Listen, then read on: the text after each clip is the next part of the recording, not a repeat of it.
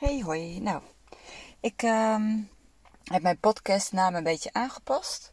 Eerder eh, heb ik uh, vooral een beetje veel verteld over de coronacrisis. En nu, ja, ik zie zelf gewoon heel veel overlap tussen de verschillende crisissen. En ik kijk vaak naar de, naar de grote lijnen.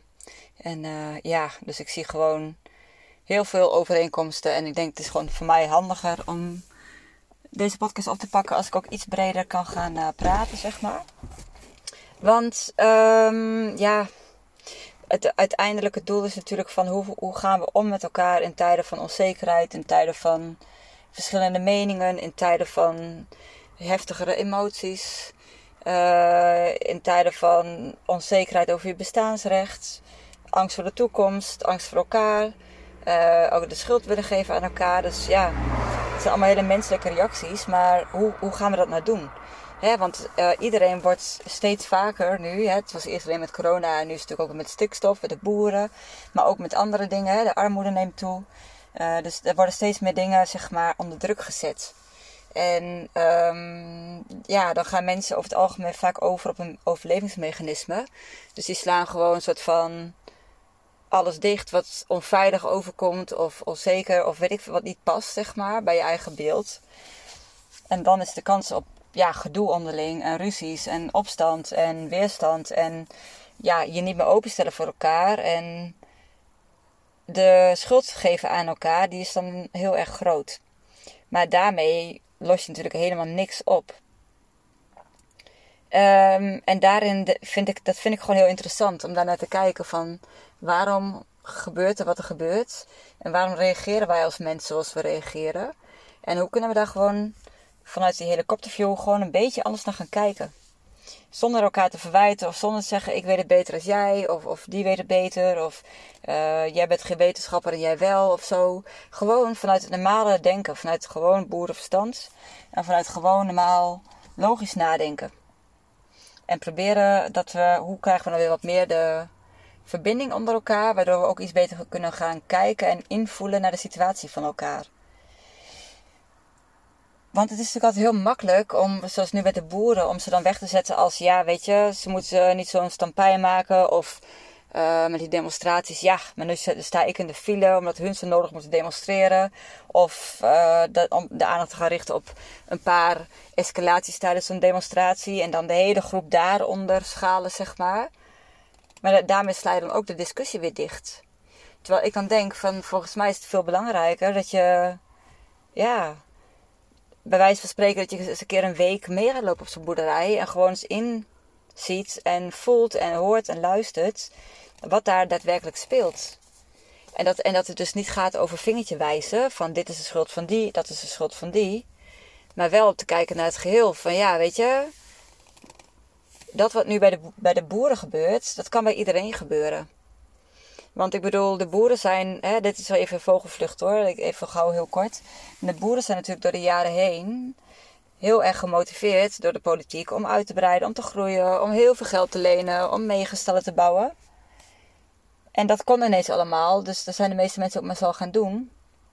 En dan ineens worden de plannen gewijzigd en kan het allemaal niet meer en moet het gewoon op een hele andere manier, waardoor dus heel veel boeren hun leven kwijtraken, hun bestaan kwijtraken, hun familiebedrijf kwijtraken.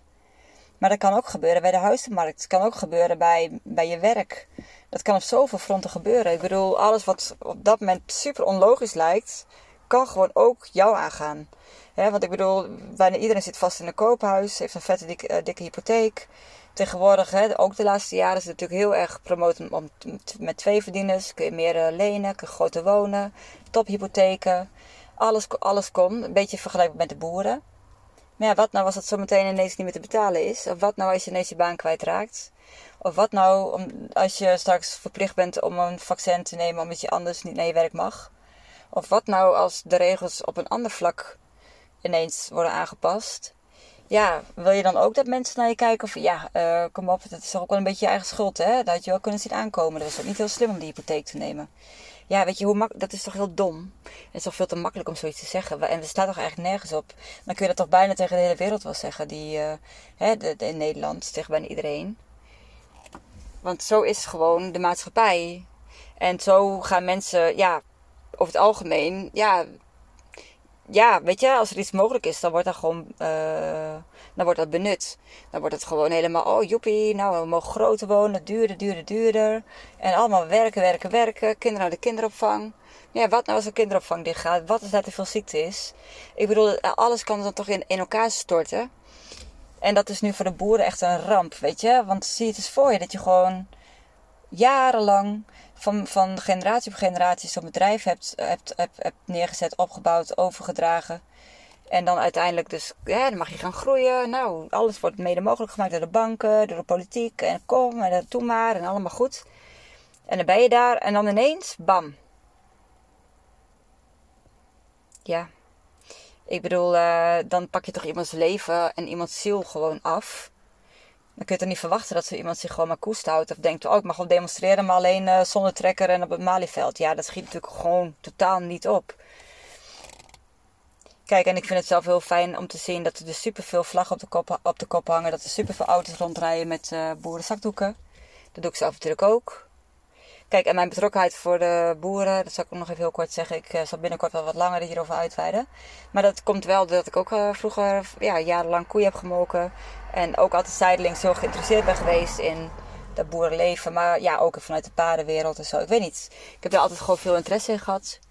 En daarnaast denk ik ook wel, ik ben gewoon het middelste kind van zeven kinderen. Wij hebben best wel een hele ja, opvoeding gehad in de zin van ja, logisch nadenken, zelf nadenken, zeg maar.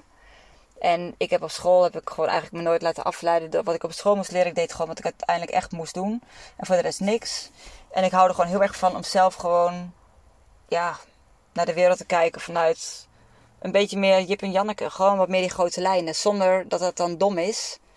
Dus natuurlijk zoek je verdieping. En natuurlijk zoek je allebei de kanten van de verdieping. En natuurlijk eh, probeer je van allebei de kanten evenveel informatie te halen.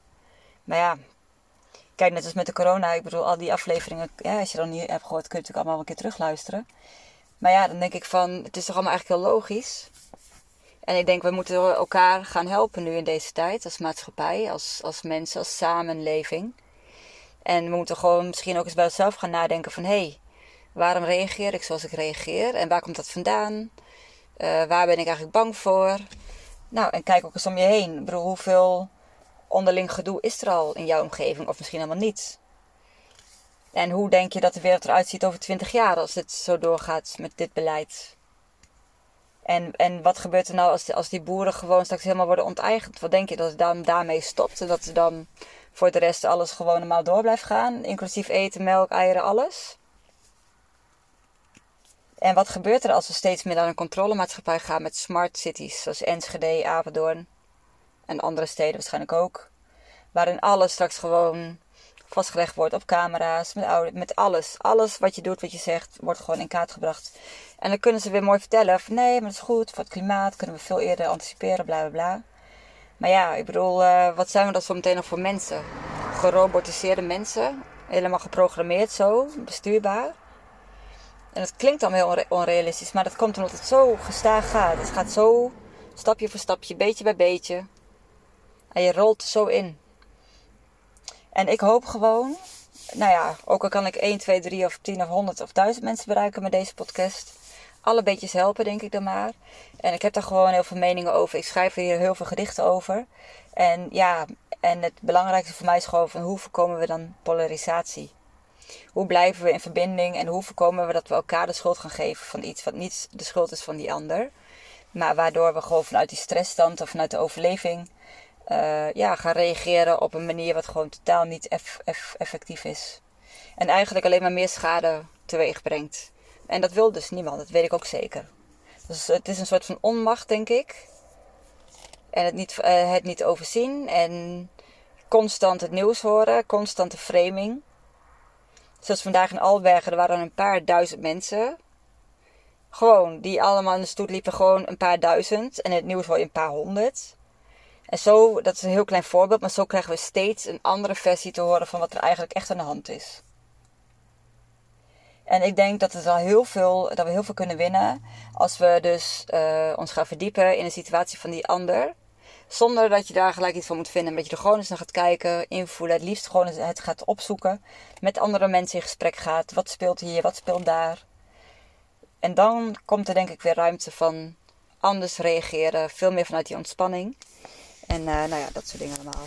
Dus um, vandaar even een andere naam van mijn podcast, een andere afbeelding. En ja, even iets meer breder van hoe gaan we om in tijden van crisis met elkaar en hoe voorkomen we polarisatie. Nou, ik hou het er even bij en ik hoop je gauw weer spreken. Het is vandaag, even zien, ik kan het niet zien. Even kijken, het is 21 augustus en uh, het is 9 uur s avonds. En ik ga stoppen en ik uh, spreek jullie wel weer. Oké, bedankt. Doei doei.